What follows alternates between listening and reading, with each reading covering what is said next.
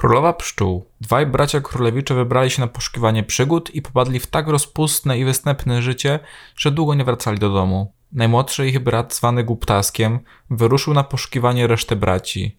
Kiedy ich wreszcie znalazł, wyśmiali go, że przy swojej głupocie chce sobie dać radę w świecie, w którym oni dwaj, znacznie mądrzejsi, nie mogli sobie poradzić. Idąc przez las, ujrzeli nagle mrowisko.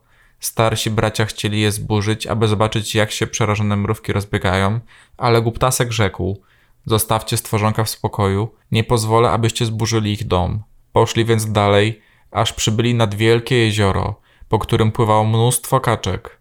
Starsi bracia chcieli chwycić kilka z nich i upiec, ale Głuptasek rzekł: Zostawcie stworzonka w spokoju, nie pozwolę, abyście je zabijali. Ruszyli więc dalej i przybyli wreszcie do wielkiego ula, tak pełnego miodu, że aż kapało z pnia. Dwaj bracia chcieli podłożyć ogień pod drzewo, aby wykurzyć pszczoły i pozbierać ich miód. Ale Głuptasek rzekł: Zostawcie stworzonka w spokoju, nie pozwolę, abyście je podpalali. Wreszcie trzej bracia przybyli do zaczarowanego zamku. W stajniach stały kamienne konie, a ludzi nigdzie nie było widać. Przeszli przez wszystkie sale, aż na samym końcu przybyli przed drzwi zamknięte na trzy zamki. W środku drzwi były małe okienko, przez które można było zajrzeć do wnętrza. Bracia zajrzeli i zobaczyli szarego karzełka siedzącego przy stole. Zawołali na nie raz i drugi, ale karzełek nie słyszał. Wreszcie za trzecim razem wstał, otworzył trzy zamki i wyszedł. Nie rzekł ani jednego słowa, lecz zaprowadził braci do bogato nakrytego stołu, a kiedy sobie podjedli i popili, powiódł każdego do oddzielnej sypialni. Nazajutrz szary karzełek przyszedł do najstarszego z braci, kiwnął nań palcem i poprowadził do kamiennej tablicy, gdzie wypisane były trzy zadania, dzięki którym zamek mógł być wyzwolony od czaru. Pierwsze zdanie było takie. W lesie zamkowym leży pod mchem tysiąc pereł najmłodszej królewny. Trzeba je wyszukać, a jeśli przed zachodem słońca brakować będzie choć jednej, śmiałek, który się tego podejmie, zamieni się w kamień. Najstarszy brat poszedł do lasu i szukał przez cały dzień, ale nie znalazł więcej jak sto pereł. To też, gdy słońce zaszło, zamieniony został w kamień. Nazajutrz średni brat udał się do lasu, ale i jemu nie lepiej się powiodło. O zachodzie słońca miał dopiero dwieście pereł, został więc zamieniony w kamień.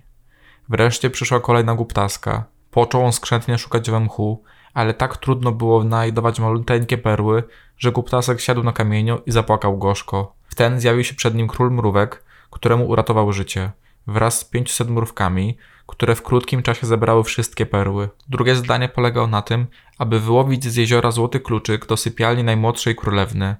Kiedy głuptasek przybył nad jezioro, podpłynęły doń kaczki, którym uratował życie. Wyłowiły kluczyk i przyniosły mu go. Ale najtrudniejsze było trzecie zadanie.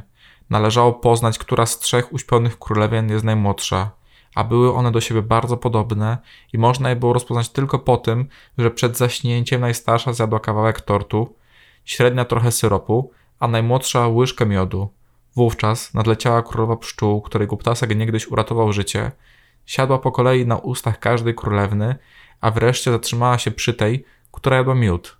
I w ten sposób poznał Guptasek najmłodszą królewnę. Wówczas skończył się czar i cały zamek wzbudził się ze snu, a wszyscy zaklęci w kamień odzyskali ludzką postać. Guptasek ożenił się z najmłodszą i najpiękniejszą królewną i został po śmierci ojca królem całej krainy. Starsi bracia pożenili się z pozostałymi królewnami i wszyscy żyli długo i szczęśliwie i w zgodzie.